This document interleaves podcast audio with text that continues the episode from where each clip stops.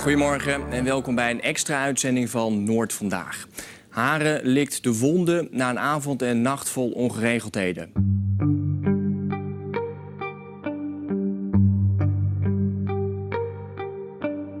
Haren is opgeschrikt door een storm van geweld en rellen. Nadat duizenden mensen naar het dorp kwamen om een verjaardagsfeestje van een 16-jarig meisje te vieren. Wat rest is de vraag: hoe kon dit gebeuren? Dit is de podcast Er is geen feestje. Een podcast van mij, Wouter Holsappel en Thijs Faber. Waarin wij tien jaar na Project X teruggaan naar Haren. Aflevering 4. Een fikse kater.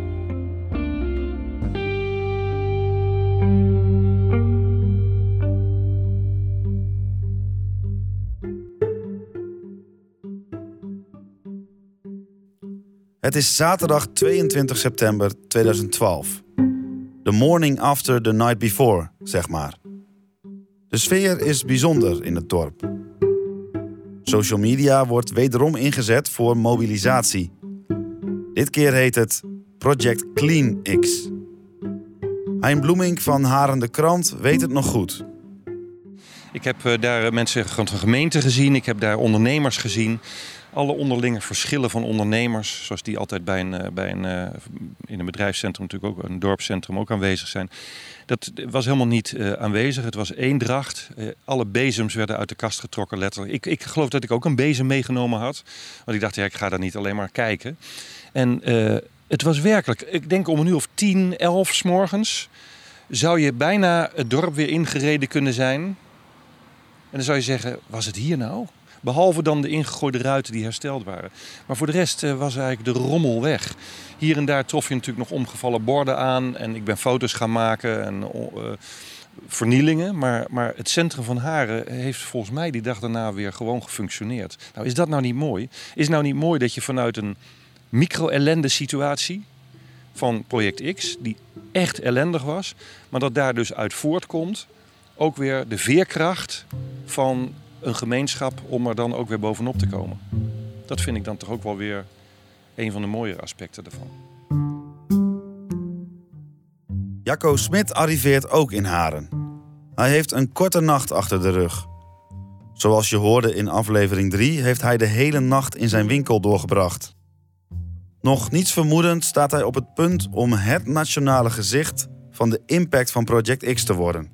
Ik weet wel dat ik hier s ochtends om 7 uur weer terugkwam. Toen, toen had ik mijn auto, uh, waar nu de Jumbo is, uh, staan. En uh, die ik geleend had. En toen liep ik tussen de blokker en, de, en dat steegje door. En toen kom ik bij, voor de kerk uit. Nou, toen was mis. Dat was zo'n glasmassa. En daar stond destijds ook verslaggever van RTV Noord. Die heeft mij toen geïnterviewd. Ja, dat interview is, is de hele wereld over gegaan. Letterlijk en figuurlijk. Ja, als ik het terugzie, dan, dan, dan word ik daar wel weer emotioneel van. Ik kan me dat, dat, dat interview zelf niet zo heel erg goed meer herinneren. Maar het, het, ik wist ook niet dat het zo'n zo impact had. Dat was s ochtends om 7 uur. Je bent totaal los. En na de hele nacht op geweest te zijn, je ziet je dorp in een, uh, ja, gewoon in een, in een chaos veranderd. En dan staat er iemand, mag ik je wat vragen? Ja, doe maar. En ik heb dat, dat, dat, die, die vragen beantwoord, denk ik, in een, ook in een roes. Ja, dat waren beelden van gisteravond en vannacht. En bij daglicht is dan pas goed te zien hoe groot de schade eigenlijk is. Verslaggever Jan Been maakte vanmorgen vroeg de volgende reportage. Nou, ik heb vanaf 9 uur in de winkel gezeten. Met een ijzeren staaf en een brandblusser en een zaklantaarn. En gelukkig kwam er, kwam er een vriend om te helpen. Maar ik ben nog nooit zo bang geweest met al die menigte hier in het dorp. We zullen toch met elkaar de schouders eronder moeten zetten om haren vandaag weer uh, schoon te krijgen de bezem te pakken en met elkaar, zowel de winkeliers als de bewoners, als waar ze ook vandaan komen, het dorp weer netjes te maken. Want we zijn nog wel de beste gemeente van Nederland. Sorry. Ik vind het zo erg. Ik vind het zo erg.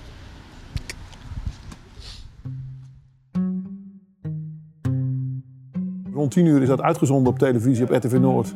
En toen, uh, ja, toen ging het los met, uh, met alle reacties uh, die daar achterweg kwamen van iedereen tot uit Australië aan toe. Dus ja, was een hef, dat was, uh, ja, ik wist niet dat dat zo'n impact had. Maar ik kan me van het hele interview niks meer herinneren. En als, af en toe dan, uh, dan zie ik er nog wel eens wat stukjes van terug. De, uh, hoe heet die, onze vriend Arjan Lubach, die zat toen bij de rapservice van Koef Noen. En die heeft daar een, een rapservice van gemaakt. Ja, daar ben ik ook heel veel aan herinnerd, wel in de jaren daarna. En toevallig hebben we van de week op mijn verjaardag hebben we even teruggekeken. Oké, ik ga een prijs neem mee. Een uh, ijzeren staaf, een brandblusser, een zaklantaarn. Uh, gelukkig kwam er een vriend om te helpen. En een, uh, een zakje cashewnoten. Een ijzeren staaf en een brandblusser en een zaklantaarn. En gelukkig kwam er, kwam er een vriend om te helpen. Maar ik ben nog nooit zo bang geweest. Nee, dat is fout. Ik zei cashewnoten. Sorry, je hebt verloren. We zijn nog wel de beste gemeente van Nederland. Oké, okay, rustig maar. Het is maar een spelletje. Sorry. Ik vind het zo erg. Ik vind het zo erg. dit was de rap service. De rest kun je vergeten. En je weet, als het niet ruimt, hoef jij het niet te weten. Hoe was dat? Ja, nu kan ik er wel om lachen, maar toen niet. Toen uh, dan wordt toch de draak met je gestoken op een, uh, op een niet zo leuke manier, op een niet leuke periode. Dan heb ik er ook een mail achteraan gestuurd. Dan kreeg ik een keurig een mailtje van hem terug. Hè, dat hij uitlegde van hoe het allemaal gegaan is en waarom hij dat gedaan had. Nou ja, prima. Maar ik ben daar nog vaak aan herinnerd, ja. Je had niet toen een, even een ander, ander uiterlijk kunnen aannemen? Ja, dat lukt bij mij niet zo gauw. nee, maar... Nee. Nee, maar dat is, uh, dat, ja, het is tien jaar geleden. Nu kan ik erom lachen. En toen was het verschrikkelijk. En niet alleen voor mij. Ik bedoel, ik had geen schade. Ik was op dat moment gewoon heel emotioneel. En daar ben ik, uh, ja, op je zwakste punt word je dan gepakt, zeg maar. Uh, in de positieve zin. En daar ben ik steeds aan herinnerd gebleven. Ja, je bent toch eigenlijk wel een beetje, wat dat betreft, het gezicht of zo geworden? Ja, dat werd wel gezegd. Ja, dat ik het, op dat moment het gezicht was van het verdriet en het leed hier in Haren. Maar ik heb dat zelf nooit zo gevoeld. Kijk, als je op het moment dat wel je winkel helemaal naar de naar de galamise is, ja, dan ben je echt slachtoffer. Maar ik was geen slachtoffer. er waren andere mensen die waren wel slachtoffer. Die, waren meer, die hadden meer schade als ik dat had. Want ik kon in feite de volgende dag de deur open doen en zo weer door. Misschien even de ramen wassen voor, uh, van de troep die erop zat, maar, maar meer ook niet.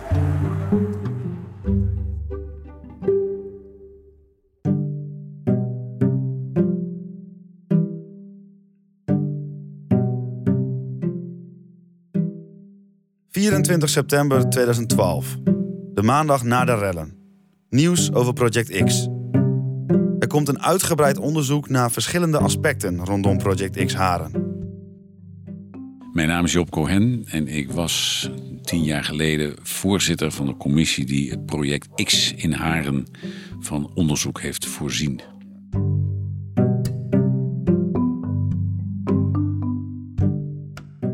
Wat ik me er vooral van herinnerde was dat het wel een defining moment was. Dat het echt de eerste keer was dat, dat de sociale media dat die zo'n impact hebben gehad. Uh, en dat herinnerde ik me wel, er wel van. En uh, wat ik me er ook verder van herinner was dat we een hele leuke commissie hadden. En dat we daar grondig onderzoek naar hebben gedaan.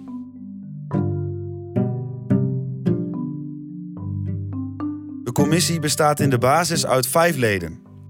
Job Cohen, de voorzitter, Gabriel van den Brink, hoogleraar bestuurskunde, Otto Adang, lector openbare orde en gevaarbeheersing aan de politieacademie, Jan van Dijk, hoogleraar communicatiewetenschappen en nieuwe media. En Thomas Boeschoten, een 25-jarige student nieuwe media aan de Universiteit Utrecht.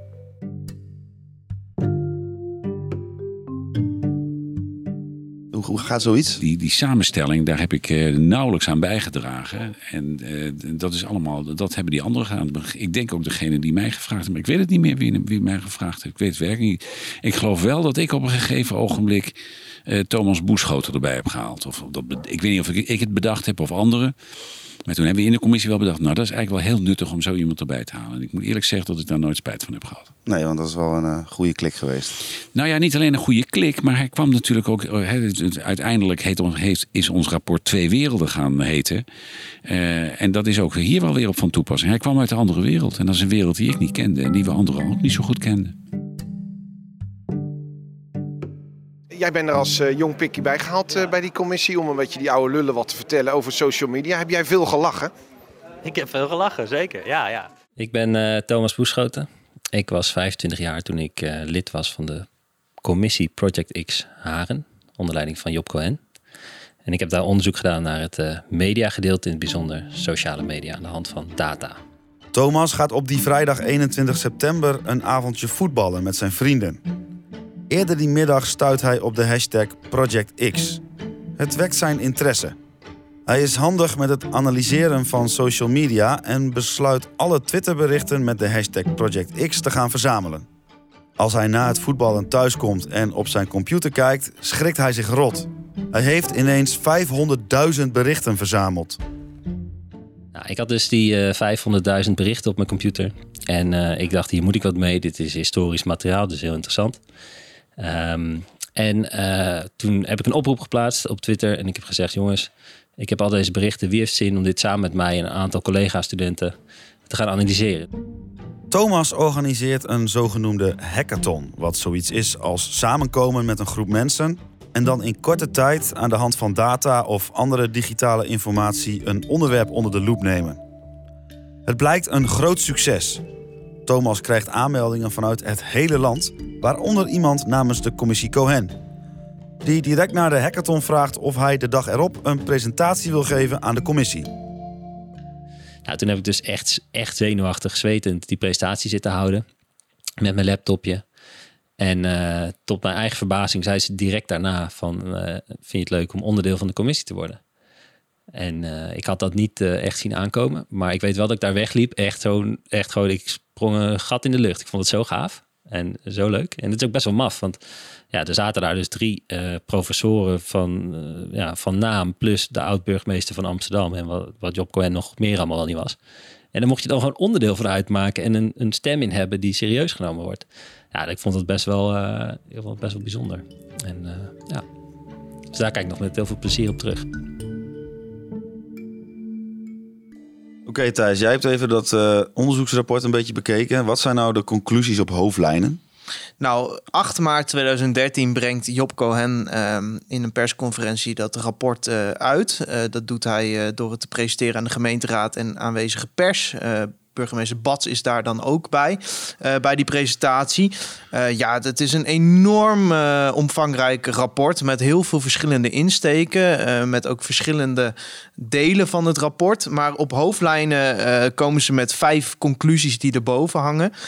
dat is in de eerste plaats dat het voornamelijk jongeren uit het noorden van Nederland waren die naar Haren waren gekomen. er gingen natuurlijk berichten over dat het een nationaal iets was. Nou ja, dat was het ook wel. Maar toch voornamelijk mensen uit het noorden trokken naar Haren.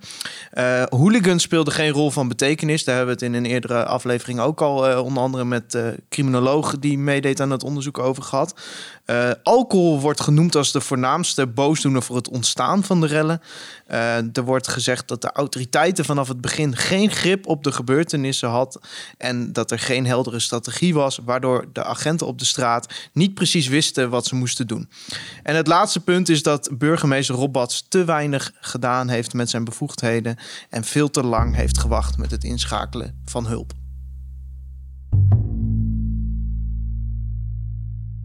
Een, interview dat ik heel opmerkelijk vond, maar dat komt misschien omdat ik er zelf meer een rol in had, dat ik het goed heb onthouden. was met, uh, met Rob uh, Bats, de burgemeester hè, van, uh, van Haar in die tijd. En vooraf was de hele tijd de discussie geweest, of achteraf en vooraf eigenlijk allebei, de discussie van heeft de gemeente Haren nou wel of niet gesuggereerd dat er een alternatief feestje zou komen. Het een, een, terrein dat beschikbaar gesteld zou worden met bepaalde faciliteiten en zo. En daar is heel erg discussie over geweest en heel veel onduidelijkheid over geweest, al vooraf, ook voor jongeren. Uh, dus op een gegeven moment is in de wereld geholpen dat er iets geregeld zou worden door de gemeente. En heel veel jongeren, bleek ook uit de interviews, die geloofden dat. Hè. We hebben enquêtes en interviews gehouden waaruit bleek, heel veel jongeren waren ervan overtuigd dat er een alternatief feest zou worden georganiseerd op een veldje ergens of iets. Dus er werd iets, iets geregeld.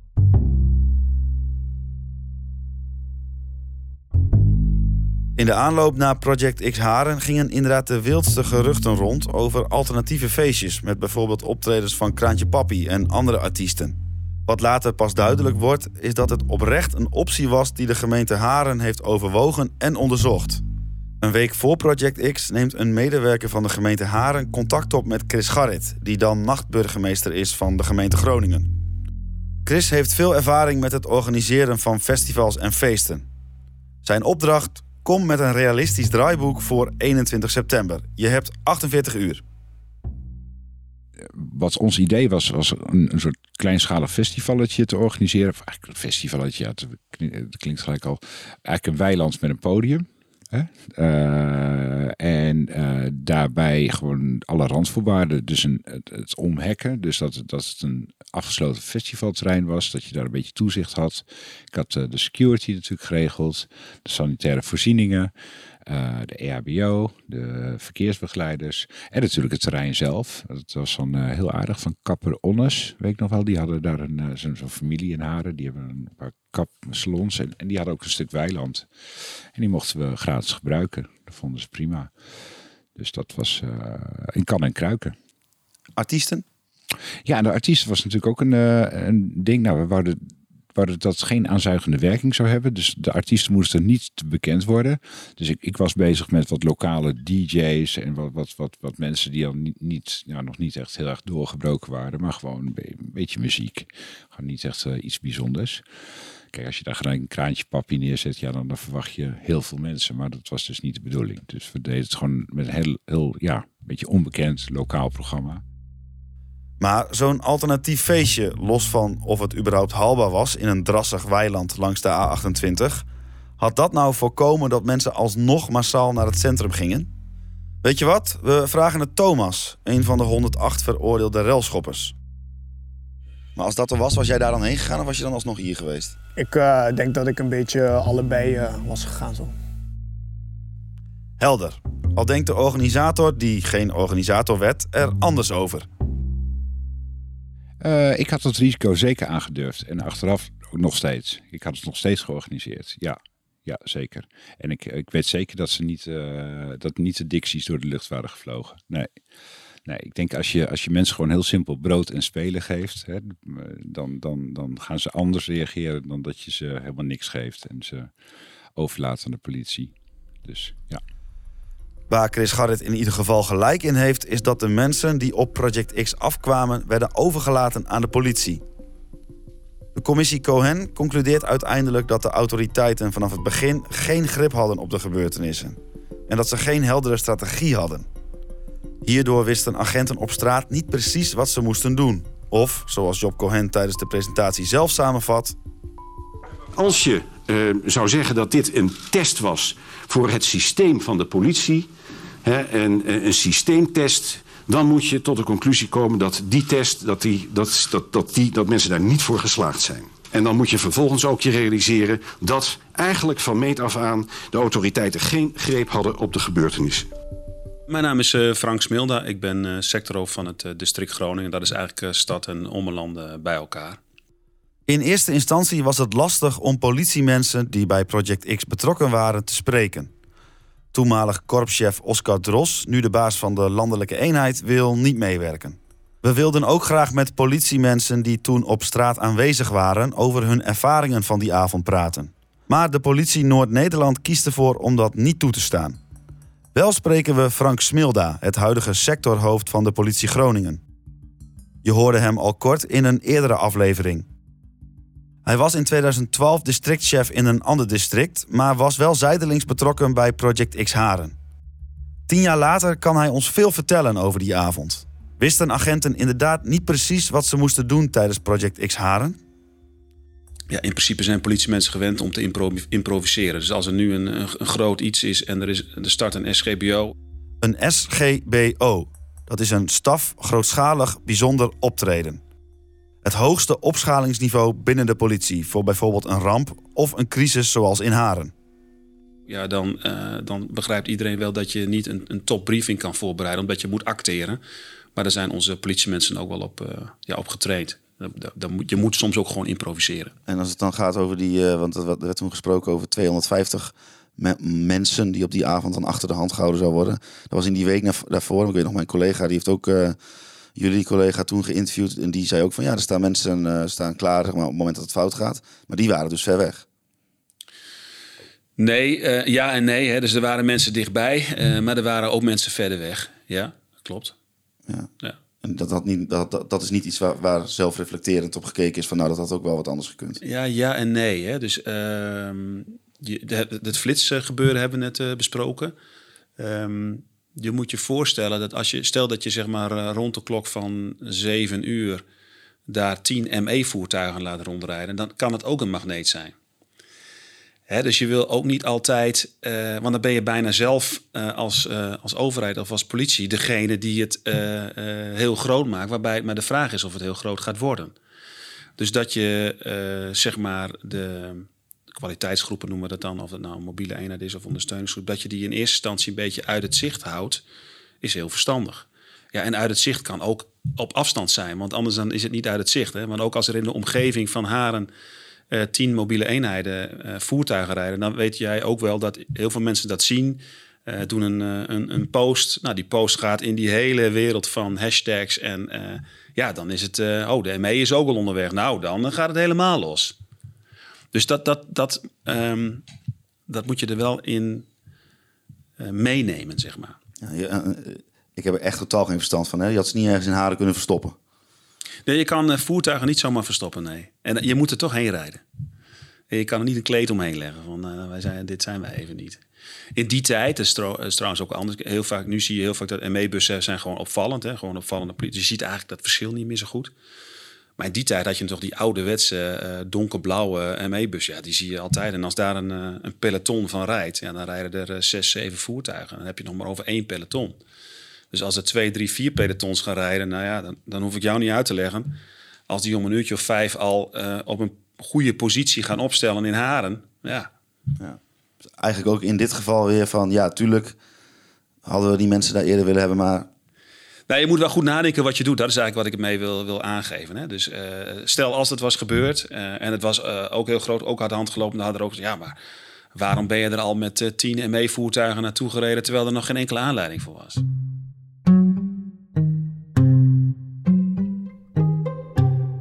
Tijdens het onderzoek wordt duidelijk dat de politiemensen aan het front een behoorlijk heftige avond hebben gehad in Haren.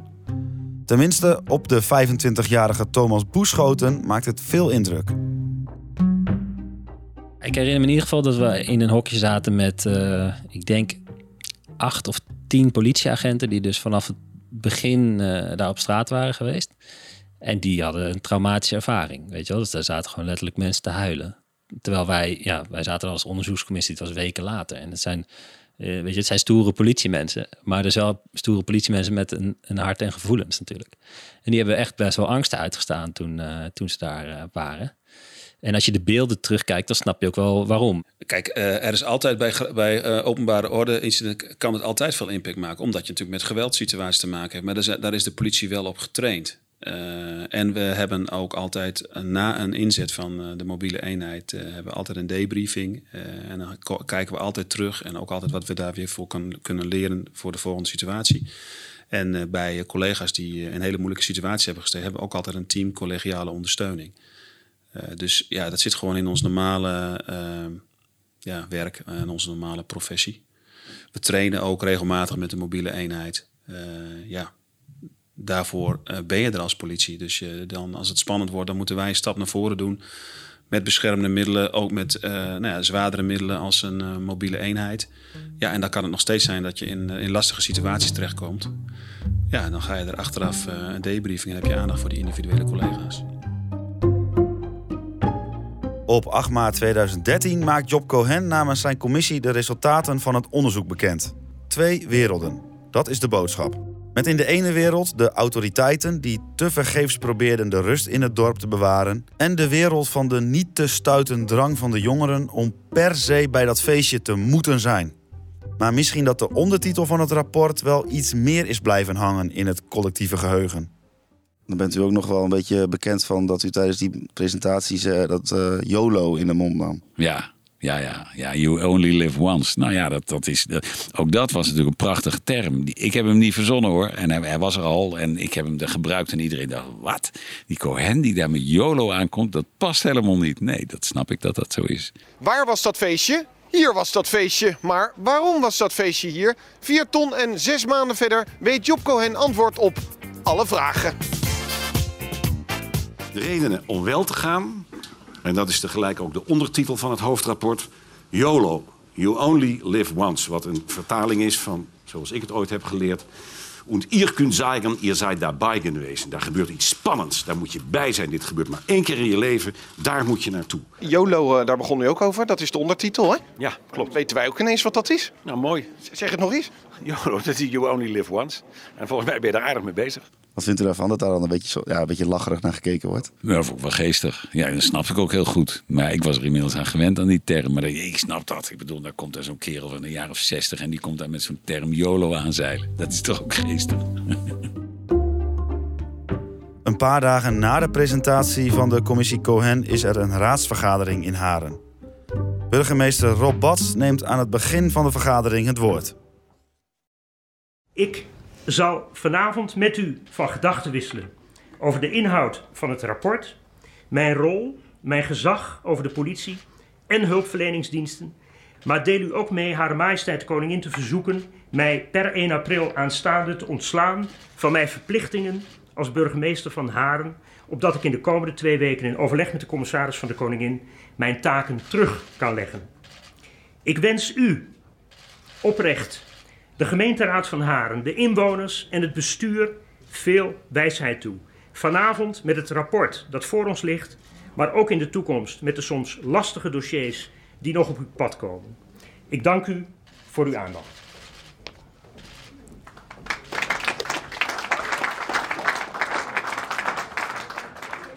Ik vond het, uh, ik vond het een verrassing.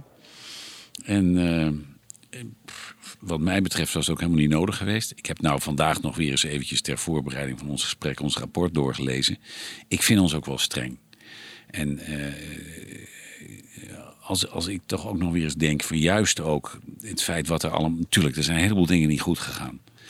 En uh, er, zijn gewoon fouten gemaakt. De, de politie heeft, die heeft daar zelf een uitvoerig rapport over geschreven... waar ze de hand ook zeer in eigen boezem hebben gestoken. Nou ja, ik denk dat Bats dat ook had kunnen doen. En wat hij, maar ik denk dat wij dat in ons rapport eigenlijk helemaal niet beschreven hebben. Hij heeft in die dagen daarna heeft hij een voortreffelijke rol gespeeld in haar. Is hij echt de straat op gegaan en is hij iedereen mensen toegegaan en zei: Jongens, verschrikkelijk wat er gebeurt, is waardeloos en wat kunnen we eraan doen? En dat vond ik heel erg goed. En juist ook als je nog een keer realiseert van dat is een, een gemeente met een, een, halve voorlichter, een halve formatieplaats voor de voorlichting en één plaats voor openbare orde en veiligheid. En dus geen ervaring op dit gebied, want er gebeurt niet zo ontzettend veel op dit terrein in, in zo'n in zo'n gemeente. Ja, dan is het niet gek dat je fouten maakt. En om iemand daar dan vervolgens te zeggen: ja, dit was fout en dat was fout en dit is niet goed en dat is niet goed. Nee, ik vind dat wij in ons, in ons slotstuk, waarin we zeggen met de kennis van nu, hadden we wel iets coulanter mogen zijn. dat je achteraf weet je allemaal heel goed hoe de wereld in elkaar zit. Maar op het moment zelf moet je staan je voor die keuzes en dan doe je dingen en dan doe je dus ook dingen niet goed. Dus ja, nou, dat als ik nou iets vind wat, uh, wat we een beetje anders hadden kunnen doen, dan is het dit.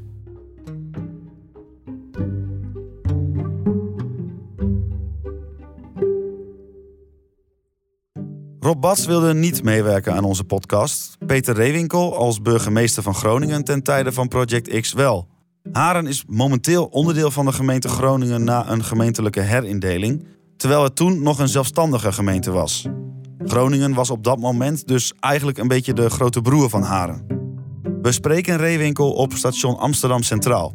Na het opstappen van Rob Bats steunt hij zijn collega publiekelijk. Hoe kijkt hij tien jaar later terug op de beslissing van Bats? Nou, dat is aan hem. Ik spreek niet graag makkelijke oordelen uit. Ik, ik, was, ik, ik droeg mijn verantwoordelijkheid. Ik uh, ben ook, heb, daar ook rekenschap voor afgelegd. Dat doe ik ook met uh, dit gesprek. Uh, hè, dus dus Rob, Rob Bats had als burgemeester van Haren de eerste verantwoordelijkheid. Iemand als Oscar Dros heeft natuurlijk ook behoorlijk onder vuur gelegen. Het, het was niet gemakkelijk. Uh, en dat dat uh, voor hem ook ja, een, een, lastige tijd moet zijn geweest waarbij hij kennelijk deze afweging zou willen. Dat respecteer ik. De totale materiële schade van Project X wordt uiteindelijk geschat op 250.000 euro. Het onderzoek onder leiding van Job Cohen kostte 400.000 euro. De rol van de media kwam ook in het onderzoek naar voren. Daar heb je in aflevering 1 Jan van Dijk al over gehoord. Timur Perlin, DJ van 3FM, deed mee aan die media-hype. Hij belde, zoals je hoorde in de eerste aflevering, Merte zonder dat zij wist dat het voor de radio-uitzending was. Hij was uiteindelijk wel een van de weinige mediamakers die meteen na Project X zijn excuses aanbood.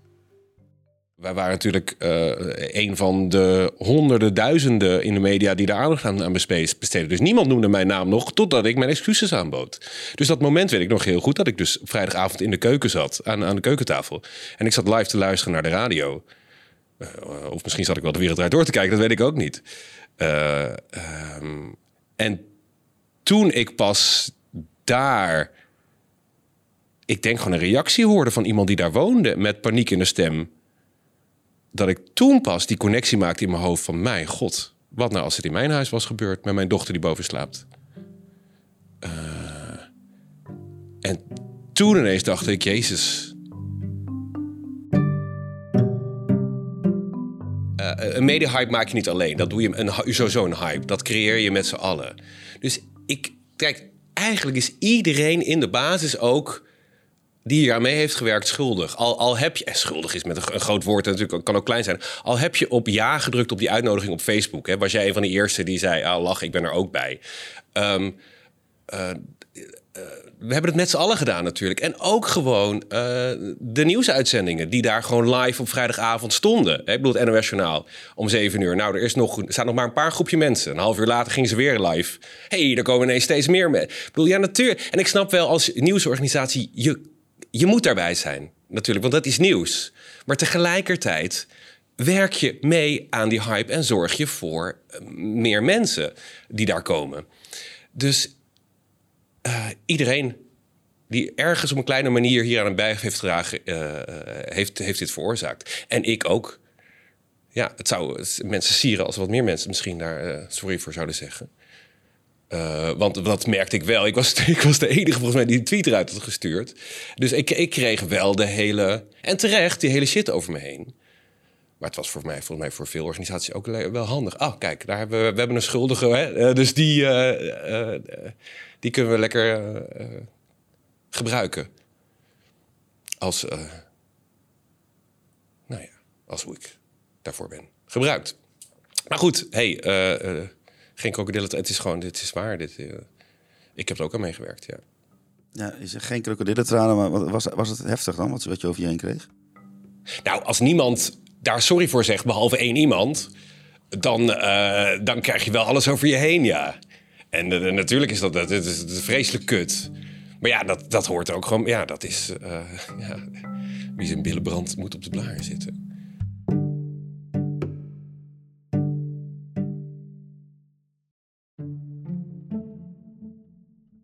Joshua, de student uit Zwolle, laat op zijn laptop zien wat hij de dag na Project X deed.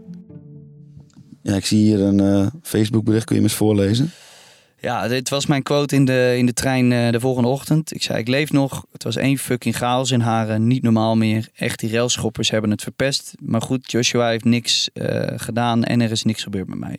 Meer als ik had natuurlijk aangekondigd dat ik er naartoe ging. Uh, ik woon nog niet meer thuis. Uh, er zit wat familie op Facebook. Ik kan me voorstellen dat die die avond hebben gedacht van... hey, gaat dit allemaal wel goed met, uh, met mijn vriend of familielid? ik zie ook dat iemand jou al meteen gespot heeft op de NOS.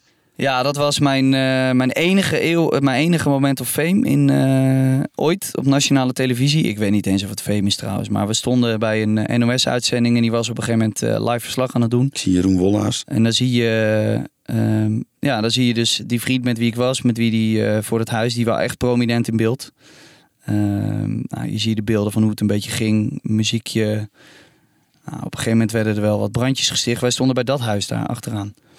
En als je zo wacht, dan zie je mij uh, rechts in beeld zie je mij een beetje komen. Dat is mijn hand. Nou, je ziet een live verslag doen. De sfeer is eigenlijk best wel gemoedelijk hier. Uh, iedereen die staat er gewoon een beetje. En uh, nou, daar ben ik dan even te zien. heel kort, ik had toch wel de kennis, kennis van toen om te denken... het is misschien niet heel handig om heel prominent in beeld te gaan staan. Want je weet nooit waar die beelden aan je blijven. ja, dat is het eigenlijk. En hier doen ze dan een verslag van hoe het eigenlijk zo kunnen zijn. En ja, dat was in de NOS-uitzending. Dus het was eigenlijk drie seconden die ik uh, te zien was op nationale televisie.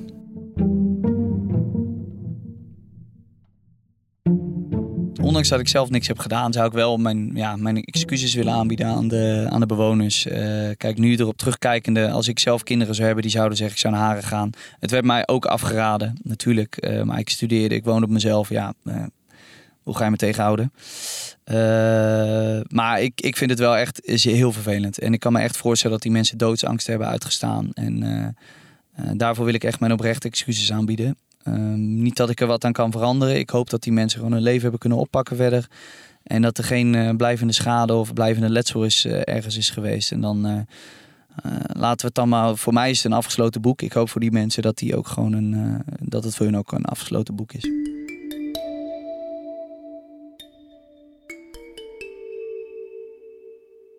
Ook Norbert, die maat van mij die erbij was, kijkt niet per se trots terug op zijn aanwezigheid die avond. Heb je, dan je, heb je dan je ouders verteld? Toen denk ik niet.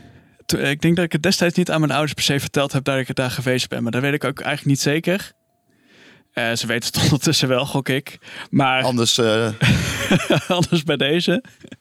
Maar uh, als het nu ook over gaat, dan, of met collega's of vrienden over gehad. Oh, ben je daar geweest? Wat, had je, wat heb je daar te zoeken? Ja, ja, je had er niks te zoeken. Waarom ben je dan die kant op gegaan? Ja, weet ik ook niet. Ik, even, ja, het was gewoon uh, ja, verveling dat je dan die kant op trekt. En um, ja, we zien wel wat het te beleven is. Dat een beetje. En dan achteraf dat het zo uit de klauw is gelopen. Nou, dat had denk ik niemand verwacht.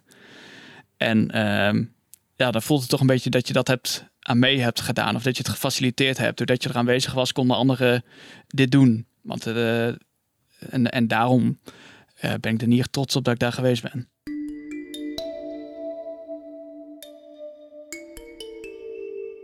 Maar achteraf, en zeker die dag daarna, kan ik me echt nog wel de, uh, de, de uitzendingen herinneren van huilende Hagenaren. Die zeggen van wat is er in ons dorp gebeurd. En ons dorp is gesloopt door, door duizenden mensen die hier niks te zoeken hadden. Dus dan, dan schaam je je wel dat je die kant bent opgegaan en met een hype bent meegegaan die niks voorstelde. En van je ook eigenlijk wel wist dat het niks zou zijn, omdat de burgemeester en zo gewoon hadden gezegd van er is niks, dus kom niet naar Haren. Dus stiekem wist je wel dat er niks zou zijn, maar toch, ja, toch, toch proberen en toch kijken wat er gaat gebeuren. En ja, ik, ik kan me van één, uh, volgens mij heb je één echt bekend fragment van zo'n Haren die echt een janken uitbarst, dat je toch nog denkt van ja, heeft, hij heeft helemaal gelijk. En dan, uh, en, en, dan komen ook alle andere verhalen uh, naar voren van volgens mij kan ik me herinneren dat een winkeleigenaar echt zijn, zijn winkel stond te verdedigen dat de ruiten niet uh, gingen sneuvelen. Dat een paar studenten hem gingen helpen om dat te doen. Dat je denkt, denkt van ja, wat zijn er wat, wat komen er dan van mensen op af omdat ze, dat ze dit wel gaan doen? Dat je dacht van, oh, het was toch redelijk gemoedelijk. En hoe, zo, hoe kan het zo omslaan dat er dan zoiets, dat er dan zo'n sfeer opeens ontstaat? Dus um, achteraf is het toch wel, uh, of is het toch wel schaamtegevoel dat je daar bent geweest. Voor Thomas die de Albert Heijn plunderde gaat het leven na zijn veroordeling en het uitzitten van zijn taakstraf verder. Hij werkt in de periode erna nog mee aan een televisieprogramma van de EO. Hierdoor wordt ook hij een beetje het gezicht van Project X. Ik weet nog wel een keer, toen uh, had ik van die staatsloten. En destijds rookte ik nog. Dus toen ging ik een uh, pak sigaretten halen met die staatsloten. En toen kwam ik daar zo binnen en toen zei ik van, uh, mag ik uh, een pakje dit en dat? En hier, dit is mijn laatste geld. En toen zei die meneer achter de kast, zei, dat heb je ook wel nodig na die nacht in Haan. En ja, dat was nog iets best wel... En ik, heb, ik had ook wel vaak dat mensen, zeg maar, als ik ergens was, dat mensen vaak naar me keken van, hm, ken ik hem of niet? Dat ik wel, zeg maar, de eerste paar maanden een beetje bekend stond als iemand die, nou ja, die zich had misdragen die avond. En hoe zit het met spijt? Um, ja, nou ja, wat ik eerder aangaf. De mensen die op dat... Want er waren op dat moment nog mensen in de Albert Heijn. Die waren op dat moment bang. En ik, wil, ik, ik, ik zou never in mijn leven onschuldige mensen willen...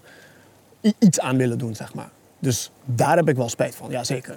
Kijk, ik heb ook, ik heb, ik heb ook gewoon zeg maar alles wat ik heb. Uh, of nou ja, bijna alles, behalve dus die paar sigarendoosjes aan die studenten. Ik heb verder ook gewoon alles teruggebracht, zeg maar.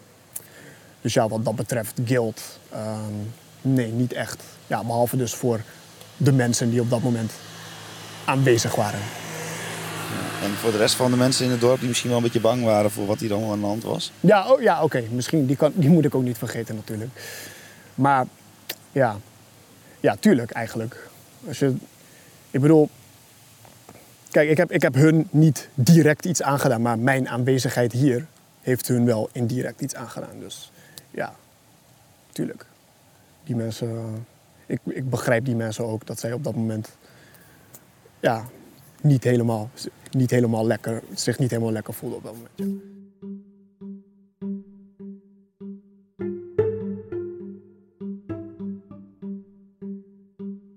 Nou, toen ik hier net heen kwam lopen, toen zag ik het eh, plein weer in gedachten voor, me met allemaal eh, van die eh, busjes van televisiezenders met schotelantennes.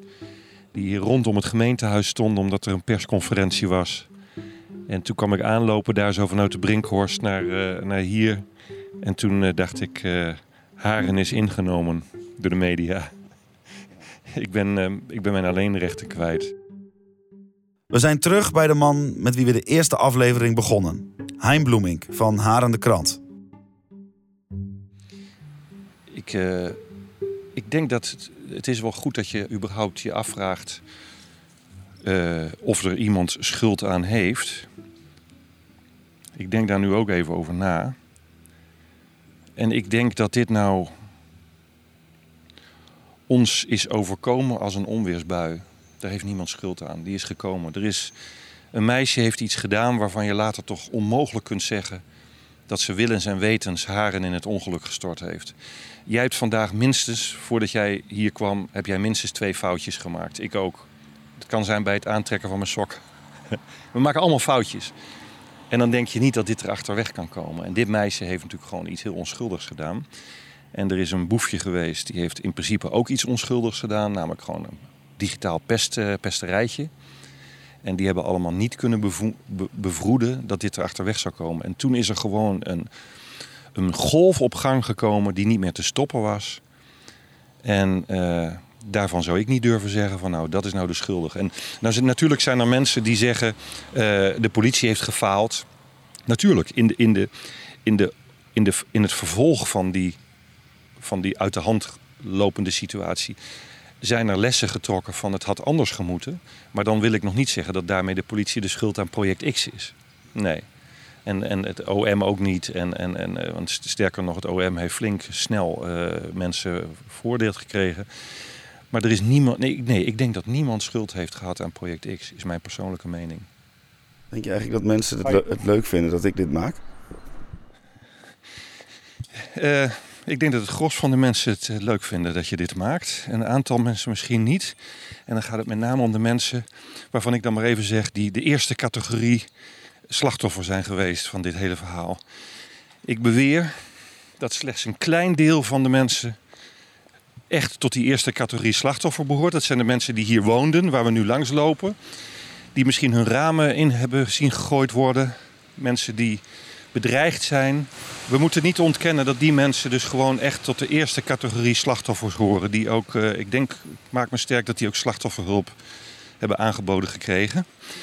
Ehm, maar het overgrote deel van de mensen kijkt hierop terug als een, ja, als een avontuur dat Haren is overkomen. Waardoor Haren op de kaart is gezet. Eh, de naamsbekendheid van Haren is enorm toegenomen. En, eh, en het was heel tijdelijk. Eh, de volgende dag heeft Haren letterlijk de scherven weer opgeruimd. En het is heel bijzonder om te zien dat het opruimen van scherven enorm verbroedert. Project X Haren. Wat begon als een onschuldige uitnodiging op Facebook, werd chaos en geweld, maar laat uiteindelijk ook veerkracht en verbroedering zien van een kleine gemeenschap.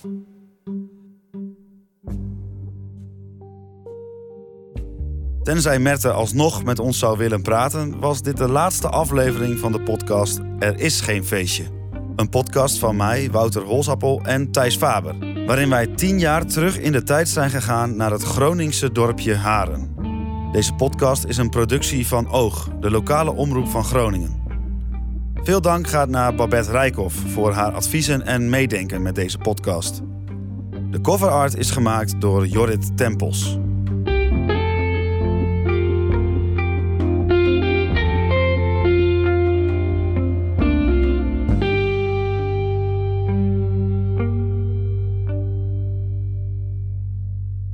Oh ja, vond je dit nou een interessante podcast? Abonneer je dan in je favoriete podcast-app om niets te missen. En we zouden het helemaal leuk vinden als je een recensie achterlaat.